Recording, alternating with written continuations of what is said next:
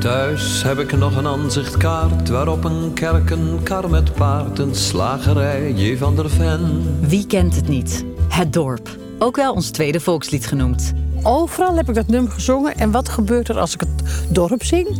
Iedereen begint te huilen. Dit dorp, ik weet nog hoe het was. Karin Bloemen zong het over de hele wereld. Maar ik denk toch het dorp, dat ik, ja, sorry, het is een enorm cliché, maar dat ik het toch het mooist vind. En dat was Alex Klaassen. Maar is dat het dan? Het dorp? Het vee, de boerderijen. In de podcastserie Sporen van Zonneveld onderzoeken Jacques Leuters en ik, Carolien Borgers, in hoeverre het werk van zanger en cabaretier Wim Zonneveld vandaag de dag nog leeft.